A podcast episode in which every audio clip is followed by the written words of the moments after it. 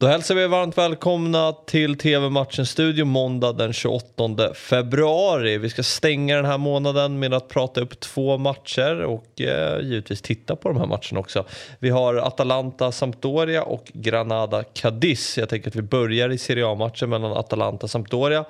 Atalanta som har en ganska turbulent tid, eller turbulent, men det är många spelare borta. Det är eh, fem raka matcher utan seger och mm. lite problem med målskyttet. Eller stora problem med målskyttet. Eh, ja, vilket ju är relaterat då till eh, frånvaron av anfallare helt ja. enkelt. Det började med att Zapata var, var skadad och sen så har vi ju fått grejer på, på, på Moriel och nu och har man ju till och med ställt upp några matcher när man liksom egentligen har kommit fram eh, och, och, spelar utan, utan en renodlad anfallare. Det vill säga att man fick eh, nyförvärvet Boga fick man ju spela liksom mm. på pappret som, som nia. Men jag menar, du hör ju själv Boga nia. Det är klart att, inte det, att, att så är det ju inte. Va?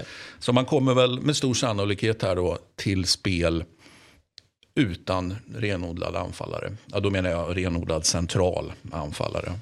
Ja, och eh, Sampdoria tog ju en blytung seger mot Empoli senast. Mm. Hur viktig var den för, för Sampdoria? Ja, den var ju viktig. Ett, ett sakta men säkert dippande Empoli som eventuellt har lekt så att säga, rommen av sig då och, och plockat på sig eventuellt tillräckligt med poäng då för att inte dras in i någon slags nedflyttningsstrid. Eh, Sampdoria kommer ju från i allra högsta grad nedflyttningsstrid eh, och liksom sakta men säkert eh, krigar sig uppåt. Vi får se hur långt det räcker. Det jag är liksom inte helt övertygad än. Det finns ju x antal jättefina fotbollsspelare i Sampdoria. Det är, det är inte snack om det. Men eh, ja, jag tänker att Atalanta ändå är klart bättre här. Mm. Även, även utan centrala anfallare. Mm. Så jag tycker att det lutar åt hemmaseger. Lutar åt hemmaseger. Eh, 20.45 startar matchen och ni ser den på Simor Live 3. Nu till ett eh, rejält ångestmöte mellan Granada och Cadiz. En sån här sexpoängsmatch som eh, man mm. drar sig med när det är viktiga matcher och det är inte så många poäng som skiljer i tabellen. Men det är ett Granada som eh, sjunkit som en sten i tabellen, ligger på 17 plats, eh, 24 poäng, fem raka förluster, sju utan förlust. Eller sju utan seger. Mm.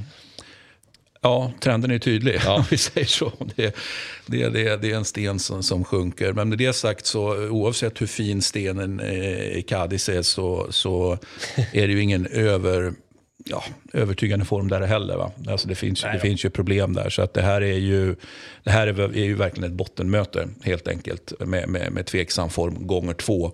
Så eh, det var ju några avsnitt sen vi pratade om ångestdrabbling. Det här är ju en riktig ångestdrabbling och ett riktigt sexpoängsmöte. Mm. Ja, vi har ju Cadiz på 18 plats. Mm. Så det, det, är ju det är tajt där och det gäller att få med sig poängen för båda här. Och, mm. ja, rolig måndagsmatch. Om man ja, gillar ångestmatcher. Ja, och det gör man ju ja. per definition. De, de är ju oftast helt... Eh, och, och det kan ju också vara skönt Alltså när man själv är känslomässigt engagerad i en ångestmatch, då vet man ju hur jobbigt det är. Och jag tänkte, det, men det är ju med någon slags skräckblandad förtjusning. För man gillar dem ju även om de är skitjobbiga. Va? Här kan man ju ta det lite lugnare. Det är en ångestmatch, men hur mycket bryr man sig om utgången? Ja, du och jag, eh, du kanske har en tydlig eh, önskan om att någon ska vinna här. Det vet inte jag, va? men jag tänker ändå att vi är hyfsat neutrala här. Ja. Vi gillar ångestmatcher. Vi gillar ångestmatcher. Det, det, Oavsett hur mycket engagerade vi är så att säga eh, emotionellt. Mm. 21.00 startar den här matchen och ni ser den på Simor Fotboll. Eh, det var allt för idag men TV Matchen Studio är givetvis tillbaka imorgon igen. Vi ses då, hej!